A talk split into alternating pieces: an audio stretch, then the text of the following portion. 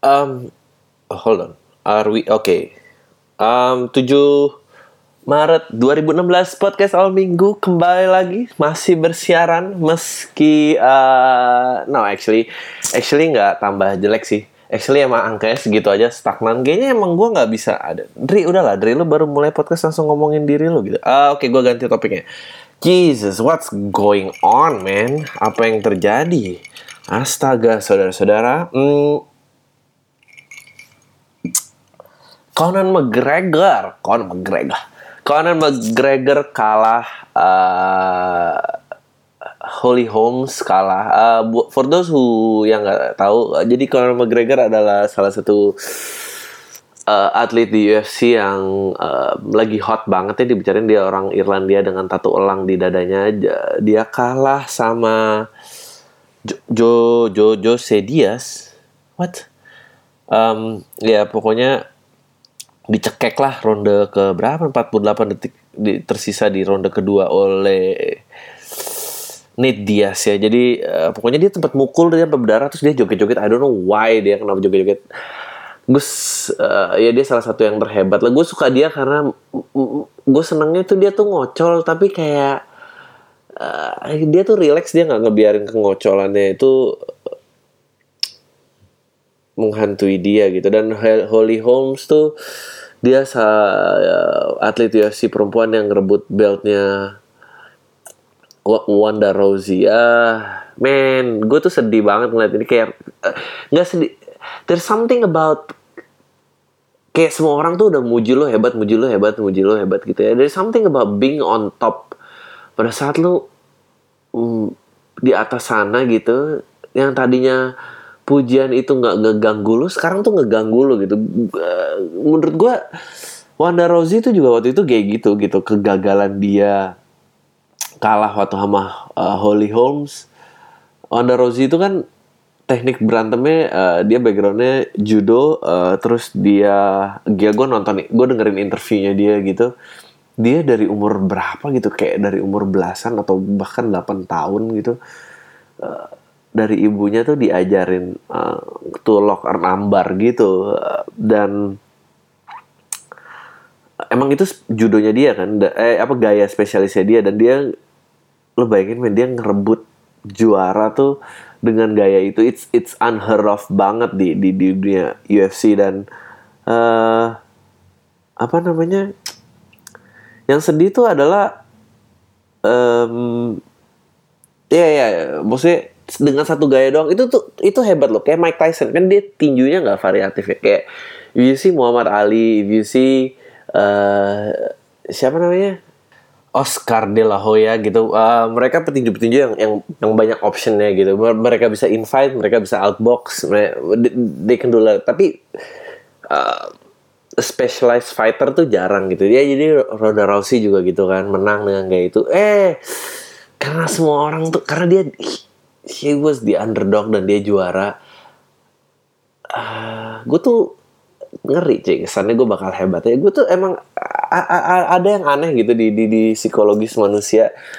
Pada saat lo berjuang dari bawah gitu ya lo tahu lo punya bakat dan lo kerja keras dan apa dan segala macam uh, memakai dan lo udah pakai kacamata kuda aja gitu. Terus terus terus terus terus terus terus terus. Kayak si Conor McGregor tuh juga cuma gayanya doang selengen. Tapi ini orang orang ini is one of the most is salah satu orang yang bekerja paling keras di UFC gue inget banget dia uh, ngomong gue gue tuh suka UFC gue, gue mungkin nih quote nya nggak nggak tepat ya. Dia bilang gue suka banget UFC karena apa? Karena di dunia ini tuh nggak ada talent ngerti gak lo talent talent nggak akan ngebawa lo sejauh ini ini cuma kerja keras dan segala macam. Nah tapi terus kayak udah menang menang banyak menang banyak menang banyak uh, akhirnya dia membiarkan pujian-pujian itu ya mungkin gue hebat mungkin akhirnya dia jatuh juga gitu.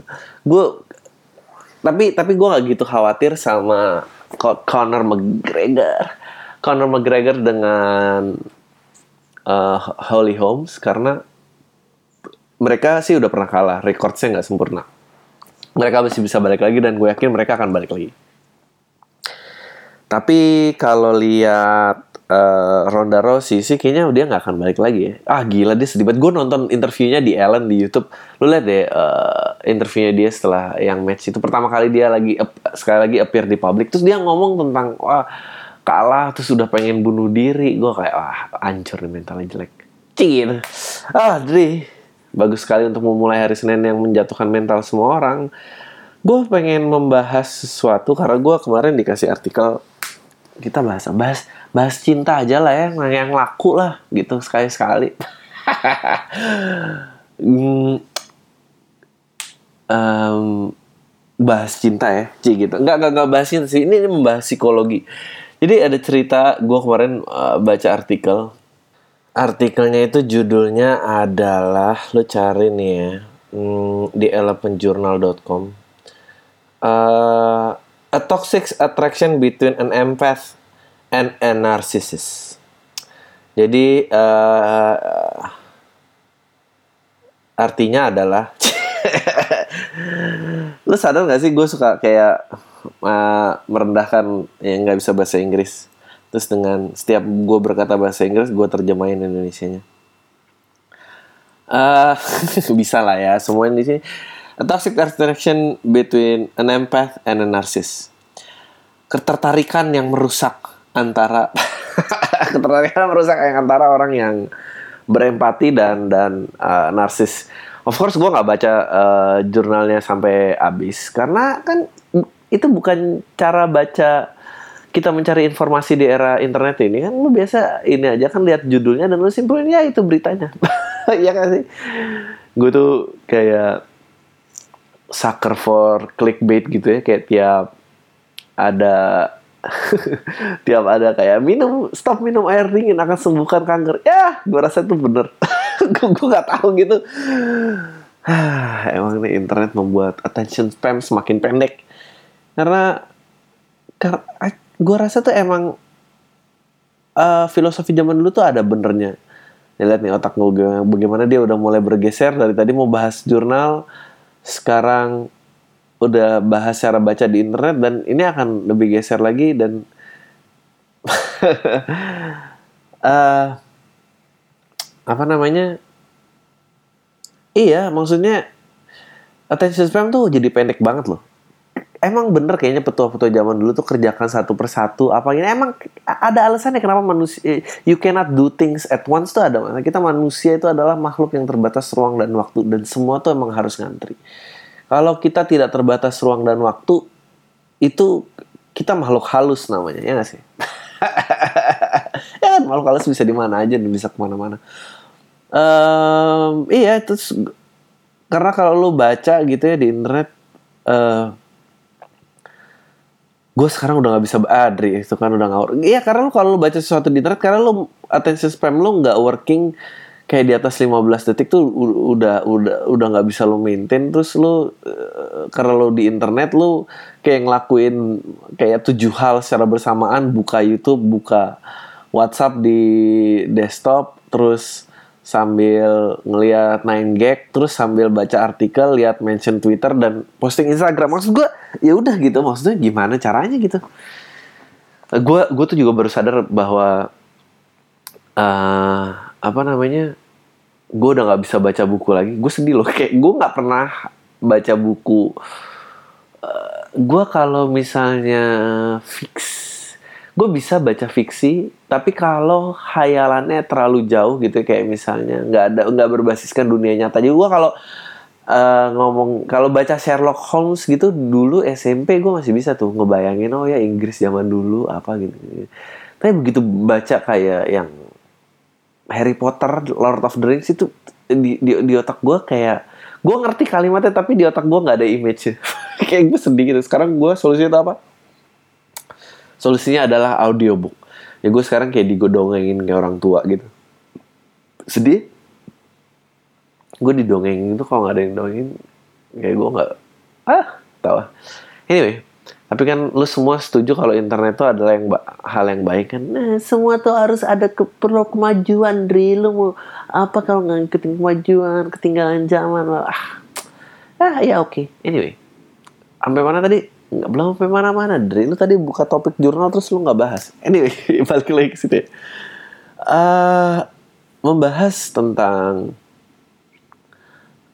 toxic uh, hubungan yang sangat merusak gitu antara yang berempati dan narsis. Itu itu, itu mem, judul itu membuat segalanya make sense banget. Uh, kalau lo ngerasa uh, dan biasanya orang yang narsis yang narsis itu kebanyakan lelaki uh, yang yang yang uh, berempati itu perempuan tapi sebetulnya nggak nggak nggak nggak selamanya kayak gitu selama kalau lo ngerasa lo ngerasa pasangan lo, lo jangan nilai diri lo kan kita sangat sulit ya bercermin dengan diri sendiri. Tapi kalau ngejudge orang tuh paling cepet. Jadi gue akan mendeskripsikan tentang pasangan lo aja. kalau lo ngerasa pasangan lo eh, nggak uh, pernah peduliin lo dan apa dan ngerasa uh, dia cuma ngomong tentang dirinya dia doang gitu. Terus kalau misalnya uh, lo ngerasa kayak lo cerita eh sayang sumpah ya aku sebel banget. Kamu tahu kan? Kamu tahu kan situ si si Tina itu sumpah ya aku tuh sebel banget ya. Atasan aku tuh tinta aku tuh nggak ngerti loh kenapa dia bisa masuk kantor aku ngerti.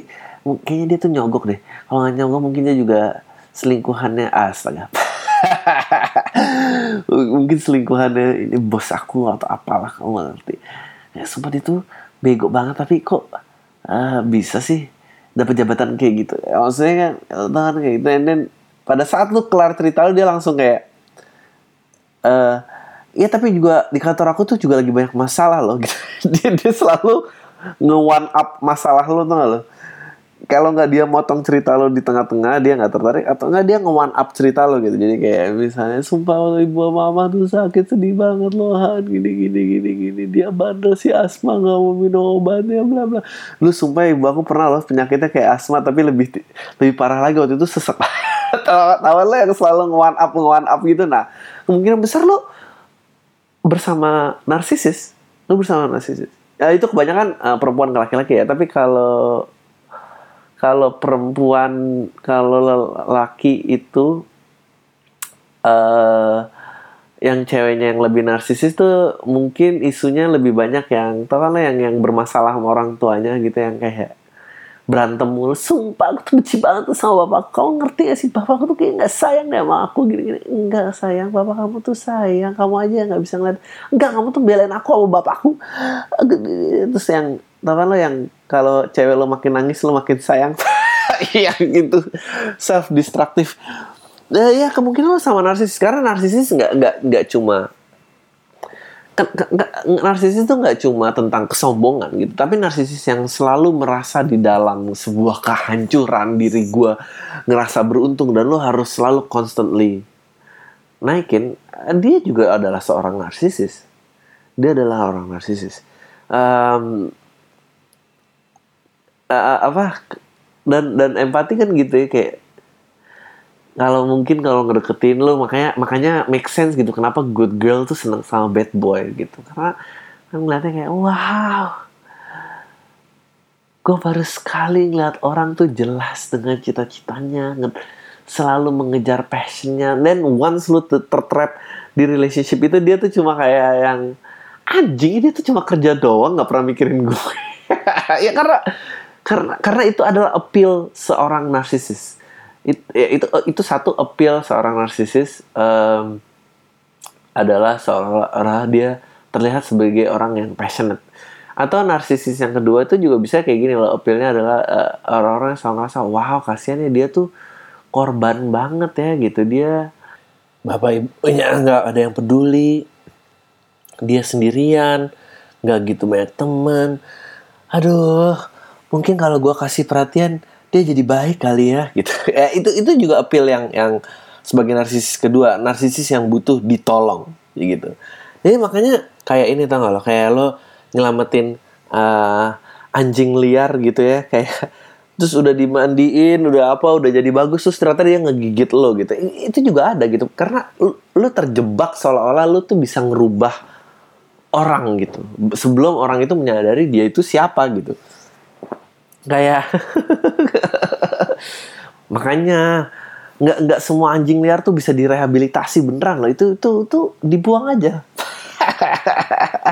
Nah kalau lu pernah kalau lu ngerasa kayak uh, anjing dia tuh kenapa sih nggak mau sama gue kenapa sih dia tuh maunya ini mau cewek mau cowok ya gitu.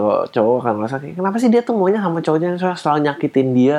Padahal ada gue loh ada sahabatnya. Orang ini ini buat orang-orang yang di friendzone friendzone ini dapat friendzone sama friendzone karena ternyata elemen lu itu sama. Elemen lu tuh sama-sama empati ketemu empati. Jadi kayak ya dia nggak mau sama lo gitu. Makanya coba kalau kayak tau ya. Gue sih mikirin kayak kalau ngedeketin perempuan tuh harus kayak uh, ngedeketin uh, ku, kayak melihara kucing tau gak sih? Kayak, kayak lo harus melihara kucing deh. Kayaknya uh, lu tau kan yang yang kalau dielus nggak mau tapi kalau lu cuekin dikit terus dia nyamperin.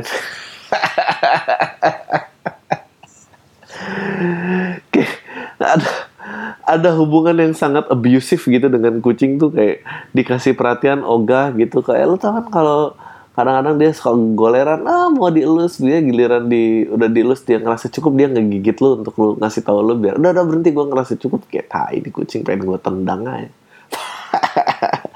Nah ya jadi apa kembali lagi oh kucing lagi. Uh, ya lu lu empati sama empati. Jadi karena karena nggak nggak cukup gitu. Eh karena nggak cukup. Karena karena nggak ada attractionnya itu kayak magnet negatif sama negatif ogah gitu. Kalau narsis sama narsis ya nggak workout karena ya pasti lo akan terjebak di relationship yang kayak lo tau kan lah yang yang enggak kita sih biasa lo yang lo tau kan lo pernah nanya temen lo yang kayak lo tuh masih pacaran gak sih? Enggak pacaran gitu. Kalau kayak biasa aja? Enggak sekarang gitu tuh bener-bener uh, ya udah asik di dunia masing-masing aja. Karena kita nggak teleponan dua minggu juga nggak apa-apa ya kalau mau ketemu ya ketemu nggak emang nggak? Ya lu tuh lo narsis sama narsis gitu. Kelihatannya works tapi padahal lo nggak peduli satu sama lain.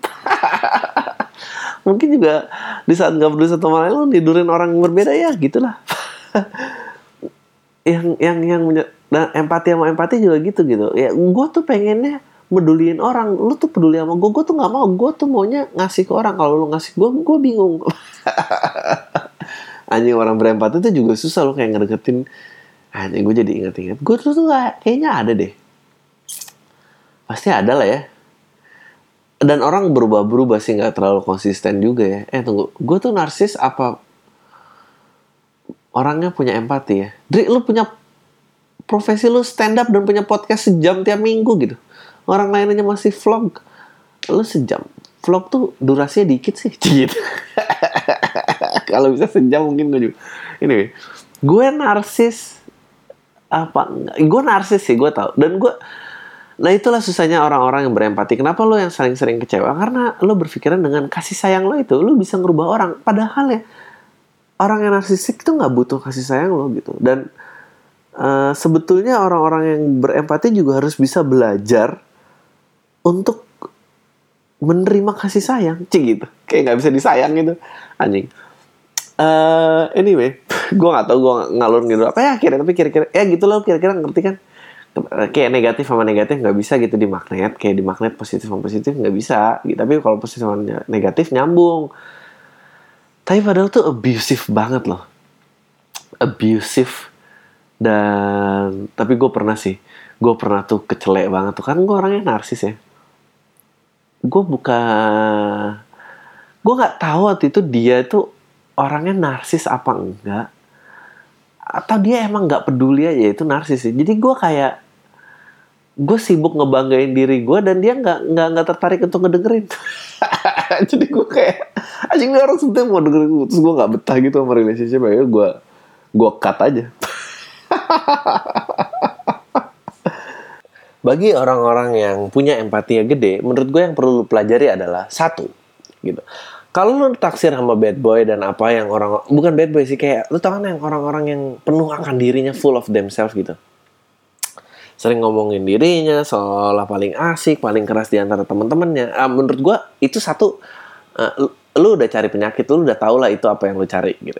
Kalau dia nggak peduli lu ya ya menurut lu apa gitu? Orang dia di depan teman-temannya aja selalu dia yang pengen jadi uh, yang paling bersuara yang jadi kepala gengnya ya dia nggak akan peduli lah sama itu lo mesti udah belajar itu. Ya yang bahaya tuh adalah uh, yang berusaha mengangkat memperbaiki orang gitu. Yang yang yang yang kayak tadi tuh yang yang kor korban rumah tangga lah. Yang gitu sedih ya itu maksudnya korban orang tuanya berantakan lah gitu. Anak-anak broken home dan apa gitu. Karena ternyata kerusakan itu juga bisa membuat orang menjadi narsisis narsistik da, da, dalam uh, dari kutub yang berbeda gitu.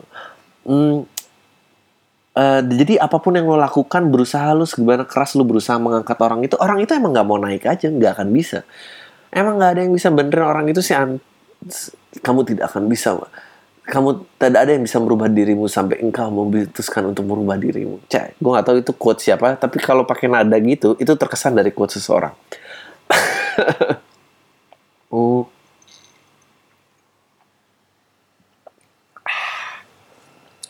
mengapa suaranya begitu nikmat? Karena ini whisky. anyway, uh, apa yang yang yang bahaya tuh lu nggak lu lu nggak mengenali gejala itu dan lu berusaha jadi energi lu lu curahin segala macam dan dia tetap nggak peduli lu. Uh, itu itu itu emang bukan tugas lu sih. Ya kayak tadi gitu ya. Ya anak anjing tuh emang lucu gitu. Tapi kalau emang dia dari jalanan ya lu belum tahu belum lu tahu lah dia dari mana lu nggak tahu itu apaan gitu yang lo angkat.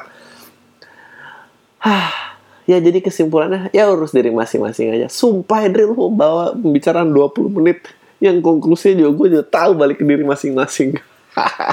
Enggak ya uh, konklusinya apa ya? Gue harus berikan sama masing konklusinya ya ya di tengah-tengah lah belajar bahwa Hei orang-orang yang sering berempati, kamu juga perlu loh mikirin diri kamu, gak cuma buat mikirin orang lain. Karena kalau kamu terus mikirin orang lain, kamu juga gak bahagia. Hei buat orang-orang yang narsisis, gitu. Percayalah bahwa kalau lo ngasih kebahagiaan ke orang lain, lo juga bisa bahagia juga gitu. Oh, oh, oh, oh. gue eh, gue tuh gak suka lo wise wise gitu. Gue tuh sukanya ngeledek ngeledek aja. Bisa gak sih kita kayak cuma uh, tips dong bang, tips. Basically gue sekarang cuma berdialog dengan diri gue aja. Uh, tipsnya apa ya? Gue sih mulai sadar kalau uh, uh, misalnya mau motong orang tuh nggak langsung motong mulai kayak gue masih sering motong orang tapi paling nggak kayak eh maaf ya gue potong. Gue mulai kayak gitu atau kalau gue motong tiba-tiba gue kayak eh sorry sorry tadi lagi cerita apa? Uh, terakhir lu kalau lu lupa lu terakhir nyebut ini. Gue sekarang kayak gitu. Hmm, gue masih lupa orang tapi kalau ketemu orang gue mulai ngenalin nama gue. Gue nggak jadi orang-orang yang apa namanya yang eh, nggak uh, lupa udah lupa terus kayak so asik gitu. Kayak gitu uh, untuk untuk yang kejebak-kejebak friendzone itu uh, menurut gue sih uh, ya kayak tadi ya kayak lo harus membayangkan ngedeketin pasangan lo tuh kayak lo mau ngejinakin kucing. Jadi kayak kadang kadang lo emang harus kayak cuek dikit sih biar dia mau nyamperin biar dia mau ngelus-ngelus lo lagi. Uh, tapi juga gue nggak tahu ya statistik lu cobain dong gue pengen tahu tuh berhasil apa enggak uh, gue soalnya gue pernah punya temen gue kayak gitu temen gue tuh yang nggak nggak dari lu dulu tuh gue inget banget kayak zaman gue SMA nih oh astaga udah lama banget. Zaman SMA kayak enggak dari gitu gue tuh seneng banget nggak lu kalau lu teman orang yang selalu ngerasa dia bisa ngedeketin semua cewek itu anjing. Enggak dari lu tuh harus menikmati permainan tarik ulur tarik ulur ini nih tarik ulur ini nih. tapi yang keren adalah pada gue tanya ceweknya itu ceweknya ngerasa hah? Emang dia ngedeketin gue ya? Jadi dia tuh cuma gila main layangan sendiri aja gitu. Tarik ulur tarik ulur tahu tarik ulur apa? Jadi kayak benangnya tuh panjang banget. Dia kira ada layangannya ternyata nggak ada layangannya. Nah gue tuh takut jadi orang-orang kayak gitu. Gue jadi takut gue hanya terjebak ke kegilaan diri gue aja udah ya mulai masuk ke surat membaca aja ya. Um, nggak gitu banyak. Eh banyak sih di SMM bagi yang mau uh, ya Twitter gua Instagram gua Adriano Kalbi uh, sama SFM gua Adriano Kalbi.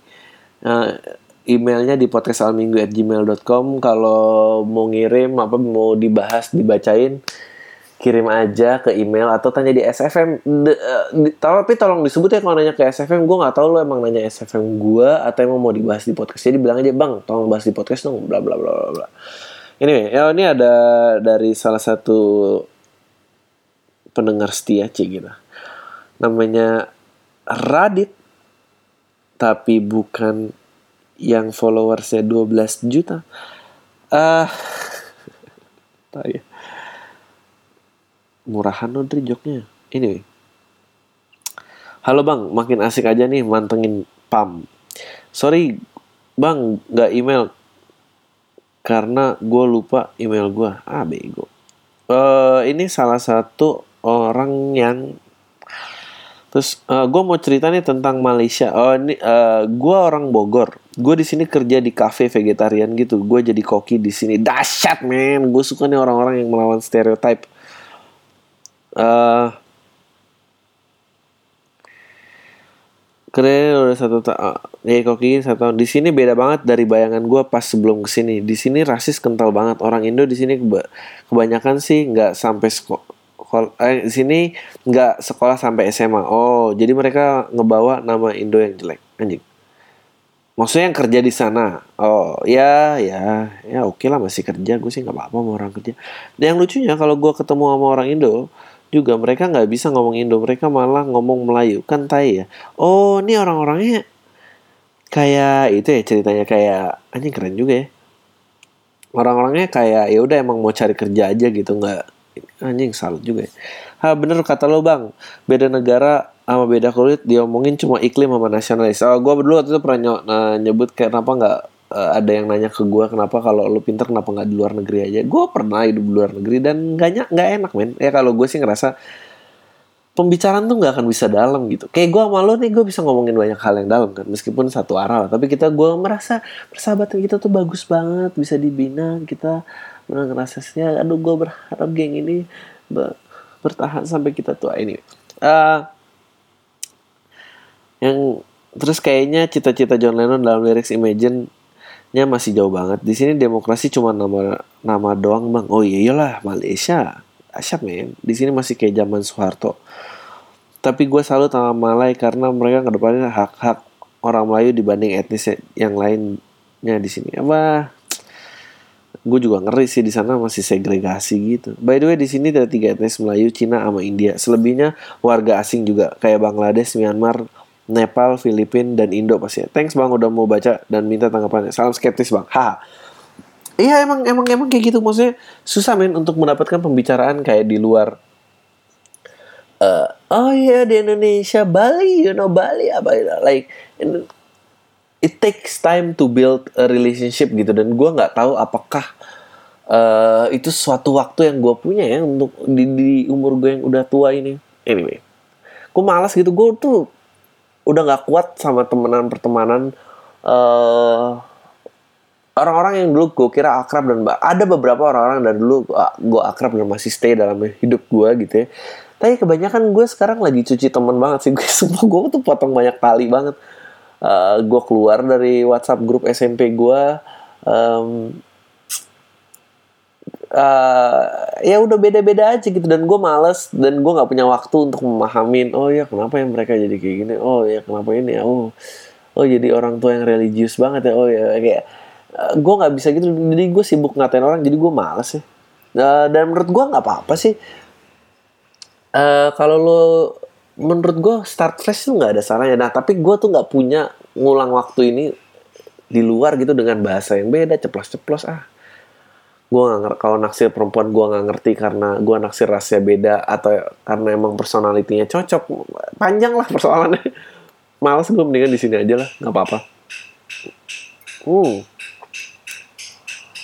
mie ayam ini dari uh, anugerah, alien dan evolusi. Halo Bang Adri, salam tai. Langsung aja, gue gak mau protes sih. Gue cuma menyayangkan aja sama lu kayak dan kayaknya ngebatasin banget pendengar lu buat komen tentang topik lu dari sisi agama. Padahal kalau gue tebak, lu belum cari bagaimana agama ngelihat topik padahal di kitab suci juga ada tuh yang emang sih secara nggak terang-terang nyeritain kalau ada makhluk hidup selain di bumi. Lagian masa iya nggak ada setan sama malaikat aja di agama ada apalagi ketimbang makhluk hidup selain di bumi nah even statement lo aja ini akan menimbulkan kehebohan yang gue malas gitu. Ah. Lu kalau lu ngerasa beragama dan dan mendukung tentang ada ini ini ini ini ini akan bertentangan pendapat dengan yang lain dan ah nggak tau lah malas gue nggak ada kedewasaannya soalnya. Gitu. Sama masalah evolusi manusia. Gue nggak nggak masalah lu percaya apa enggak yang gue heran tuh kenapa orang kayak lu bisa percaya tapi lu juga bantah kepercayaan itu. Ya itu gue emang kayak gitu. Gue tuh orangnya enggak sih gue tuh orangnya gue nggak suka percaya aja. Gitu gue suka maksudnya gitu loh. Kayak misalnya gue punya percayaan nih oh ya ini benar oke. Okay. kalau misalnya ada sebuah opini gue tuh suka kayak eh itu juga ada benernya kayak makanya make sense ini kayak karena jarang gitu sampai seyakin 100% gitu kayak satu tambah satu itu adalah dua. Gue selalu menimbangkan kedua belah pihak sih gue jarang gue langsung percaya sama orang. Ini ya intinya gue menyayangkan aja kenapa sumber-sumber bahasan lo itu terkesan satu arah. Ya iyalah satu arah. Orang gue yang siaran gimana sih? Cari-cari dari kacamata agama juga nggak apa-apa kali bang. Banyak juga yang keren kok apalagi sainsnya infoin booking tiket spesial kalian dong cepatnya udah gitu aja salam terus salam tai. Apa apalagi sains ya? Nggak mau karena gini look here's the thing gue tuh nggak suka sama kebenaran ya. Gue gak suka. Karena kebenaran yang gue bete dari sesuatu yang benar itu adalah benar tuh selalu ngerasa lebih baik daripada yang salah. Lo ngerti gak sih? Gue apa udah gila ya kayak gini. Uh, abis itu seolah-olah yang yang yang yang yang caranya tidak sepaham dan itu semua direndahkan. Gue tuh, gak suka yang kayak gitu gitu jadi gue sukanya oh ya ini ini mungkin ini bener juga. Ya ini nggak bener juga kali ya gitu gitulah ini apa ya ini apa? Gue suka uh, kalau agama tuh gue malas men. Karena gini mereka itu aduh nggak usah deh gue kalau dipanjangin ntar oh berusaha gue belum pernah ya gitu. Ini nih. Uh, halo pagi slash malam bang atau malam. Jangan sebutin nama dan email gue ya. Gue selalu denger podcast lu tiap minggu. Baru sekarang gue berani email ke lu bang. Emang kenapa sih kalau email? Sering ditanya-tanyain ya? Men nggak apa-apa men. Kita tanya-tanyaan aja. Kalau gue marah ya nggak apa sih gue marah tapi gue juga nggak akan nyari lo dan nyamperin lo kayak Deddy Kobusier gitu nggak akan juga gitu. Gue nggak punya nggak punya tenaganya dan nggak punya anjing itu dia mau ngapain sih? kayak gitu. Tapi sebetulnya seru juga sih. Gue pe gue pengen tahu ya orang kayak dia seberapa lama dia bisa tahan. Gue pengen ya orang kayak dia tuh yang tiba-tiba pengen jadi polisi aja. Siapa yang nyumpah kamu jadi polisi? Diri saya sendiri. Nah, gue suka tuh orang kayak gitu tuh. Gue pengen tahu seberapa banyak haters yang bisa dia samperin sampai akhirnya dia nyerah juga Twitter tuh mestinya uh, melihat bakat dia dan menobatkan dia sebagai polisi Twitter. Seru banget loh, gue pengen tahu. Di account sekian ribu berapa dia bakal menyerah. Mungkin gak nyampe ribu lah, 100 ya, bisa gak ya? anyway, gue mau tanya bang, gue punya pacar, belum lama juga sih jadiannya. Tapi kenal udah lama karena gue satu kelas sama dia di kampus. Kayak gue kerja sebagai resepsionis di menara. Tolong sensor nama tempat kerjanya bang. Ya kalau lo mau sensor kenapa lo tulis? Aduh, bikin suah hampir ya gue sebut tuh. Untung gue orangnya baik. Dia sering banget digangguin sama orang-orang di kantornya. Entah orang manajemen atau orang-orang tenant yang sering gangguin cewek Mereka pada ngelecehin cewek gue bang, kayak ngajak ML, astaga atau chat-chat yang mengandung pelecehan bang. Gue mau percaya sama pacar gue karena dia nggak pernah ladenin itu. Karena dia cerita semuanya ke gue. Pertanyaan gue bang satu apakah gue bisa ngelaporin orang-orang itu yang gangguin cewek gue ke pihak berwajib? Bisa.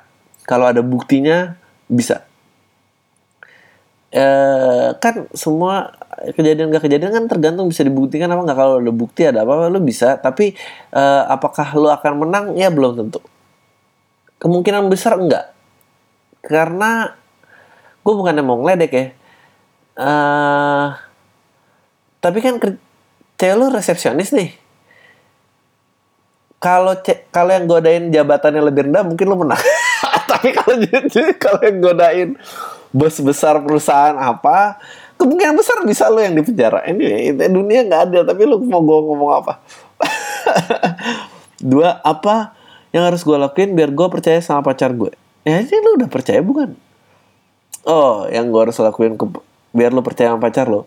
Kan pacar lo cerita nih tentang dilecehin lo cerita deh ke pacar lo kalau lo email ke gue untuk minta saran. Pasti lo nggak bilang-bilang kan? Karena lo namanya nggak disebut karena dia nggak pernah ngeladen itu. Karena gue yakin sih orang nggak bakal begitu kalau emang dari ceweknya nggak menggoda. Ha gue nyaranin dia resign tapi sama bokapnya yang nggak boleh. Huh udah segini aja bang pertanyaan atau curhatan gue thanks a lot bang dikirim dari Yahoo Mail di Android. Oh bisa gini sekarang. Um, menurut gue uh, gue gue ngerti sih perasaan lu bisa kesel. Emang kesel pastilah kalau namanya punya cewek digodain tuh ya, ya lu normal lu sebagai pacar ya, ya perasaan lu tuh udah bener. Bahwa ya lu ceritain aja ke menurut gue ke pasangan lo tentang oh, betapa betapa gue ini dan gue berusaha sabar lo kamu juga ngerti ya maaf ya kalau aku menyuruh kamu resign itu bukannya mau uh, ini tapi ini kesalahan aku. Biar, biar dia tuh tahu kalau lu tuh peduli cek gitu. Tapi lu nggak boleh nyuruh dia resign karena satu uh, lu nggak ngebesarin dia. Even dia kalau apalagi bapaknya udah bilang nggak boleh. Even lu ngebesarin dia jadi dia dia kan bukan diri lo kalau dia bisa tahan dia bisa ini ya uh, ya udahlah biarin aja. I mean best of luck lah men. Beneran. Gue uh, gue ngerti sih gue uh, uh, lelaki tuh emang kayak tai gitu sering menganggap wanita sebagai objek. Oh, nilai yang sangat bijaksana dari podcast Almi. Um, tapi ya anggap aja menurut gue uh, itu pujiannya bagi lo ya. Berarti emang cewek lo kece gitu dan lo oke okay lah gitu. Nggak kayak pertanyaan gue yang satu lagi nih. Ini, ini, kebalikan dari lo. Jadi lo bersyukur aja. Ntar kalau misalnya dua bulan dia nggak digangguin terus lu akan nanya sayang kamu gemukan ya? Kok nggak ada yang gak nggak ada gitu gue best best of luck man best of luck. Gue tahu pasti rasanya panas uh, menurut gue sih gak usah dilaporin. Kalau cewek lu bisa ngehandle percayakan saja. It's a strong woman. You got yourself a strong woman friend. Gitu. Nih pertanyaan di SFM gue nih yang gue nih parah lebih parah nih. Dri gue lagi deket sama cewek. Dan berkali-kali dia ngomong sayang sama gue. Oh astaga. Dia perhatiin gue, tahu jelek-jeleknya gue. Dia terima gue apa adanya. Gue berusaha mencintai dia. Oh. Tapi nggak bisa karena gue nggak nyaman dengan fisiknya dia. Astaga. What do you think I should do? Apa yang lu pikir untuk gue lakukan? Ini uh, apa yang harusnya gue lakukan? Ah, uh, ya kalau karena ya, ini ini ini kayak pertanyaan besar gitu ya masa lo nilai orang dari fisiknya doang sih ini. tapi gue bukan mau terkesan narsisistik atau terkesan kayak bajingan gitu ya atau lagi tapi ah, harus ada perempuan juga gitu lah gue rasa harus ada gini kita kan semua berpasangan karena hasil kompromi kan? Maksud gue pasangan-pasangan lo sekarang nih bukan pilihan teratas lo kan? Maksudnya kalau lo mau ngikutin ego lo lo pasti single lo nggak mungkin punya pasangan. Karena pasti ya ya udahlah dia segini tadi tapi ini ya udahlah oke. Okay. bersyukurlah buat orang yang ngerasa enggak buat aku kamu tuh yang paling perfect kamu ini ini bagus bagus. Orang itu kalau ada pun langka ya ya gini, uh, yang jelas yang yang jelas yang pakai kalimat itu lebih banyak yang bohong daripada emang yang langka ngerasa itu bener. Ya ini jarang jarang jarang men. Jarang. Uh, kalau kalimat itu sering dikeluarin itu kemungkinan bohongnya sangat besar. Uh, sisanya kan ya pasti kan ya you know kalau gua uh, pasti ada garis yang nggak bisa lewatin. Kalau lo nggak nyaman sama fisiknya dia kayak gue juga ada kartu matinya gitu. Kalau secara penampilan ya sama bau tuh gue nggak bisa. Tapi ada loh orang yang bisa ya gue pernah bahas di podcast ini yang bisa meluk orang bau gitu gue yang kayak ih. Atau atau um, meluk orang yang ketombean gitu gue uh, gue sih nggak bisa. Maksudnya anjing gue kalau di bahu orang nggak ada gue kamu tumben banget gue nggak bisa tuh gue nggak bisa bentuk-bentuk bau bau badan bau mulut ketombe apa gue gue secara fisik harus bersih. Gue nggak neko-neko karena jadi garis gue tuh bersih. Garis gue cukup rendah lah. Mungkin garis lo lebih tinggi daripada dia. Uh, gue saranin sih kalau lo nggak ini gue assume yang ngirim ini adalah oh ya ini emang cowok ya dia bilang deket sama cewek. Ya tapi di era sekarang bisa aja juga lo lesbian gue nggak tahu. Anyway menurut gue kalau lo nggak nyaman secara fisik ya apa mau dikata ya nggak sih? Apa lo mau coba juga nggak menurut gue gini kalau lo mau coba ya udah coba nggak apa-apa. Tapi kalau nggak mau ya beneran nggak mau gitu. Jangan tiba-tiba temen lo nggak ada yang lihat lo cium juga gitu maksud gue ntar dia dia jatuh hati lo lo cium tinggal cium itu uh, masalahnya susah gitu. Menurut gue sih uh, Gak oh aduh fuck. Gila lo bang gue kira orang ini ini lo orang dari fisiknya dong iya tapi fisik tuh faktor men gue nggak bisa mau bau mau mau setajir tajir apa kalau dia bau ketek gue out sih. Gue nggak bisa sih. Lagi juga dia udah tajir udah banyak duit. Ah nggak tahu mungkin banyak duit jadi banyak semua orang yang yes man yes man jadi kalau ditanya aku wangi gak wangi wangi wangi. Lu nggak tahu juga. Menurut gue bebas men kalau lo berusaha mencintai orang yang memberikan perhatiannya dan sepenuh jiwanya buat lo silahkan oke coba bener-bener. Tapi kalau emang lo belum yakin jangan lo cium. Itu aja sih ya. Karena kalau dicium dia pasti lagi gue jadi ya dia bilang sayang. Masa nggak mau dicium? Berarti kamu nggak sayang. Tadi di balik ancam gitu. Berarti kamu nggak sayang dong. Ini maksudnya apa? Ini nyambung lagi. Anjing ini nyambung nyambung semua pertanyaan. Bang jawab di podcast. Gimana pendapat lo tentang cowok yang minta ML ke ceweknya yang masih virgin? Ngancem main ke prostitusi kalau nggak dikasih. Anjing ya udah putusin aja sih. Ini mah men ini banyak yang nanya tentang free sex ya ke gue dan jawaban gue selalu sama. Menurut gue ini pertanyaan orang dewasa. Lo harus dewasa secara umur. Ya kalau di Indonesia berarti punya KTP oke? Okay? dan tidak boleh dengan ancaman. Ancaman tuh kalau lu bisa buktiin tuh pemerkosaan men. Lu buktiin aja. Oh iya nih ada nih. Pernah ada SMS-nya pak. Laporan polisi ditangkap orang itu ini tapi terserah terserah lu. Uh, menurut gue uh, ya lu juga ngapain sih kalau lu gini lo lu nggak boleh ngancem satu juga. Virgin gak virgin itu nggak boleh diancem. Mungkin ini cewek cowok ya uh, kedua gini satu juga eh kedua ya udah kedua lu satu lagi dari tanya kalau lu emang udah sexually active lu juga ngapain sih gitu deketin yang virgin? Bego banget lo maksud gue lu juga tahu gitu kebutuhan lo apa. Lu tuh kayak lu kayak ini tau gak lo mau beli sepatu di toko sendal tau gak lo udah, udah jelas-jelas nih toko sendal gitu. Lu kayak bang ada sepatu nggak? Nggak ada deh ini toko sendal. Lu juga ny lu nyari apa gitu yang lu cari? Anyway. Is it too late not say sorry? Bang, gue punya teman kerja yang juga temen kos gue. Nah, dia ini pacaran jarak jauh. Kemudian gue juga tahu dia selingkuh sama temen kantor gue juga. Ah, astaga. Baiknya gue gimana bang? Menjunjung tinggi bro code, oh berarti lu laki sama laki ya, dengan gak ngasih tahu ke pacarnya, atau ya sudahlah, tahu sama tahu aja dia selingkuh.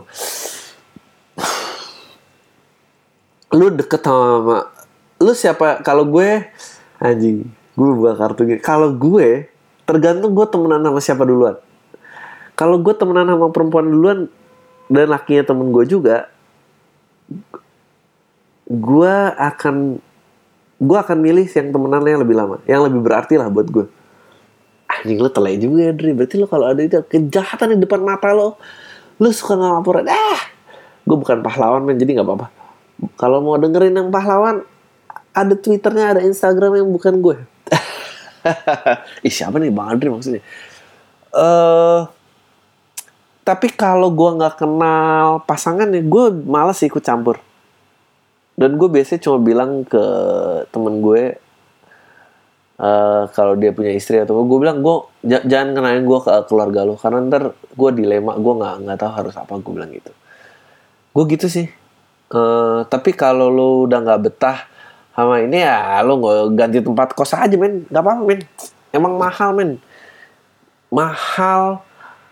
Eh, kalau di surat dari Praha ya harga keyakinan itu emang mahal. Enggak kalau menurut gue uh, mutus hubungan sama orang-orang tai itu sih ternyata emang harus mahal. Ternyata emang susah. Ternyata emang ya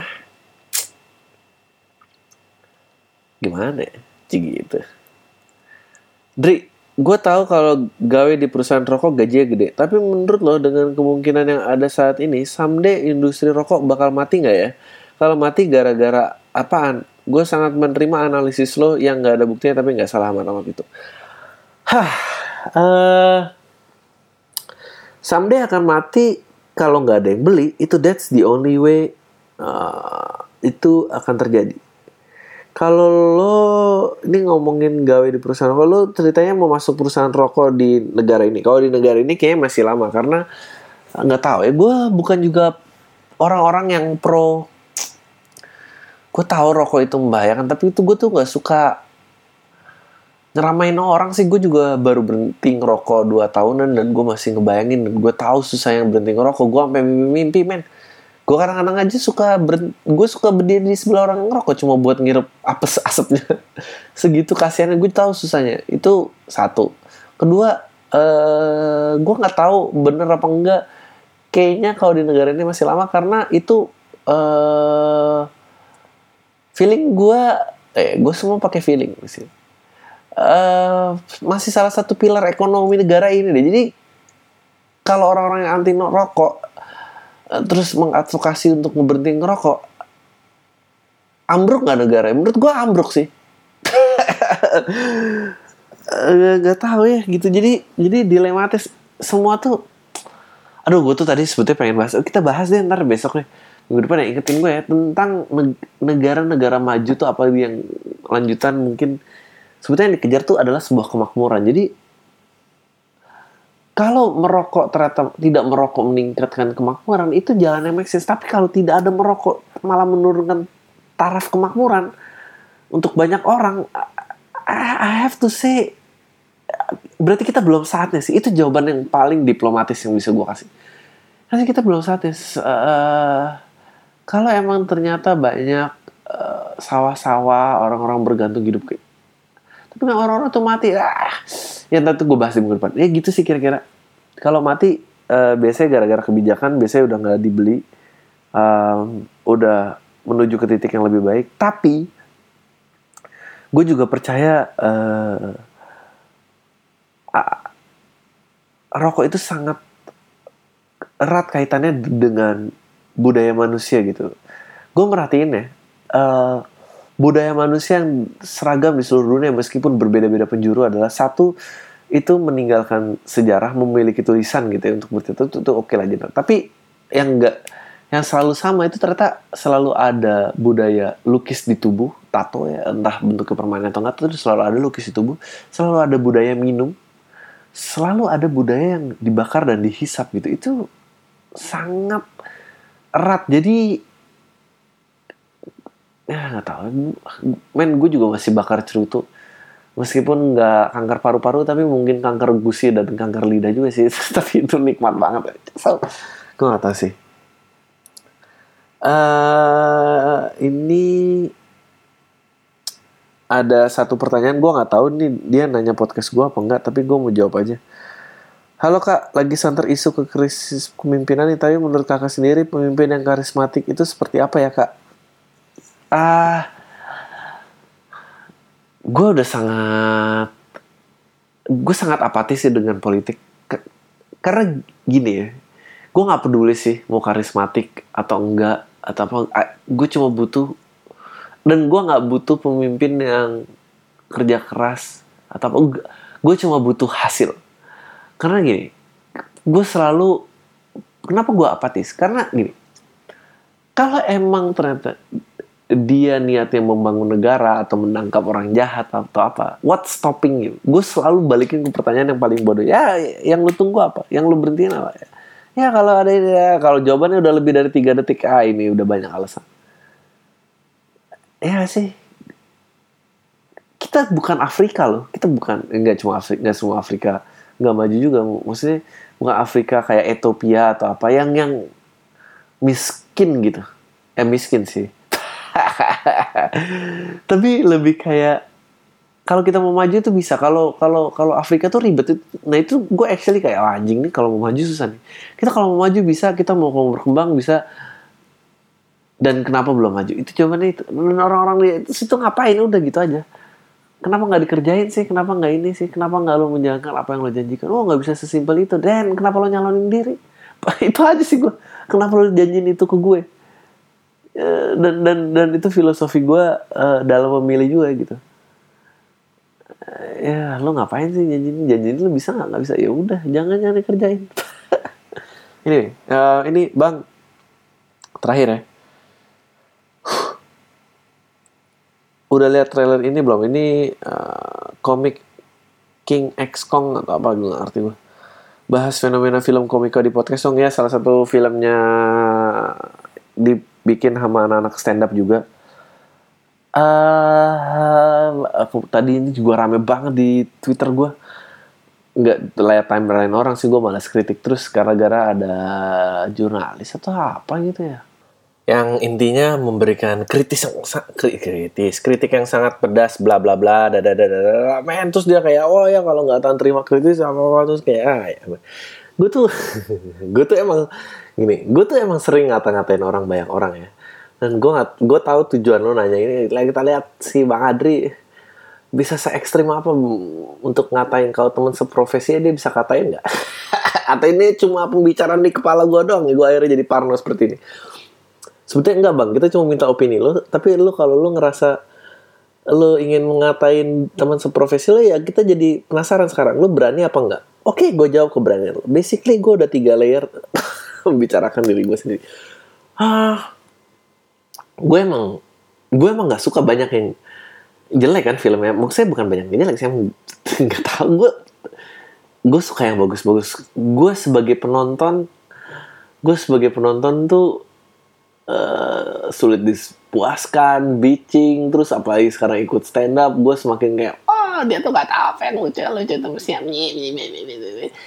Uh, tapi gue tuh juga sebel sih sama lihat kritikan orang ini. Orang ini terlalu mengkritik sampai gue akhirnya kayak ah lu juga tai sih mas gue kayak uh, apa ya? Gitu. Maksud gue gini, ya sama kayak tadi, lu nggak nyak kayak tadi ceweknya emang gak nyaman sama fisiknya.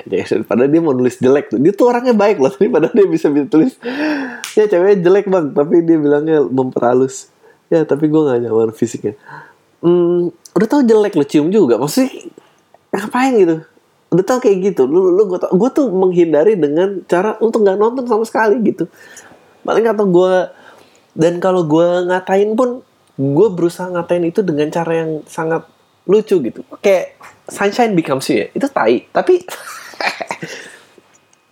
tapi sunshine becomes you itu lucu. Maksudnya bisa dikatain gitu dengan gue gue harus berhati-hati sih dalam hal hal kayak gini. Bukan karena orang lain tapi tapi gue lebih takut ke mental gue sendiri sih. Karena kalau ke orang lain gue nggak gitu peduli. Karena ya ya udahlah gue nggak ada temen lagi fine. Gue nggak nggak peduli.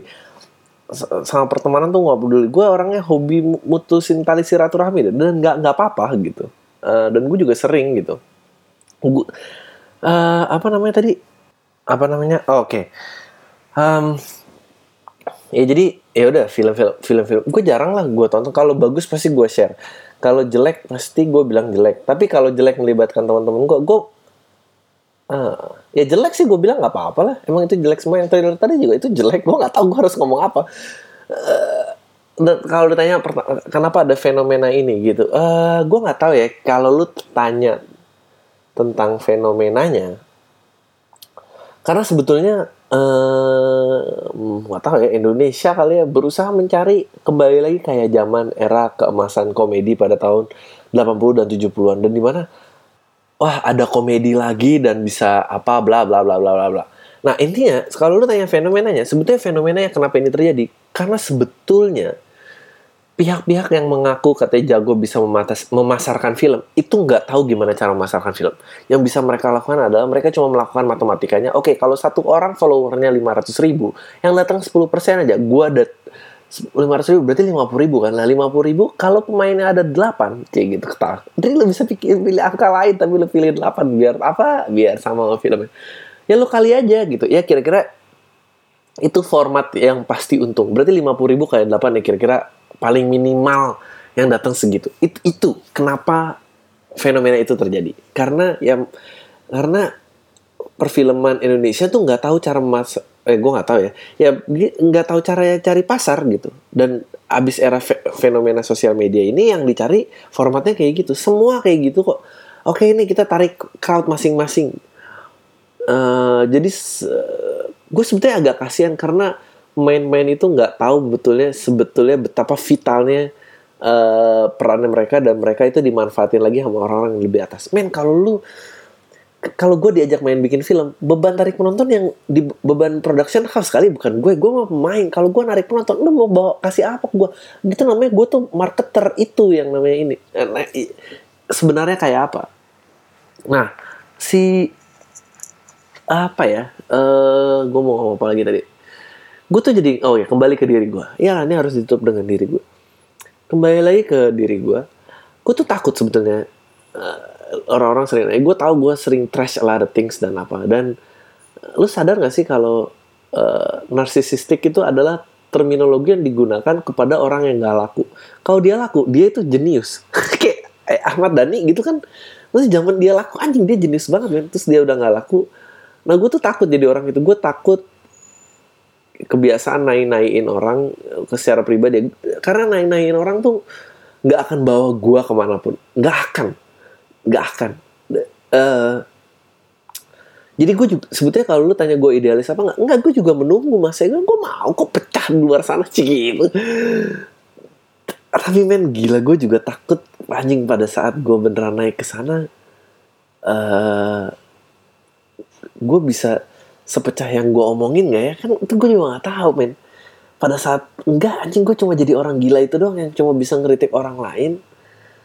Tapi gue nggak nggak ya tapi ntar kalau dimanfaatin ah bang Adri mau cepat iya gue sih nggak pernah nonton film-film itu. Dan gue kalau ngat gue sering ngatain juga kalau ngespin ngespin dikit. Tapi gue nggak mau go all the way untuk effort ngatain orang gitu. Kan di depan mata doang kalau ngatainnya segitu anyway gue nggak adil dan gue pengecut. Ya gue sensitif. Tapi gue tetap ngerasa diri gue hebat. Lo mau apa? Dan biasanya semua orang ngerasa kayak gitu. Udah itu aja dari gue tahu semua. Deh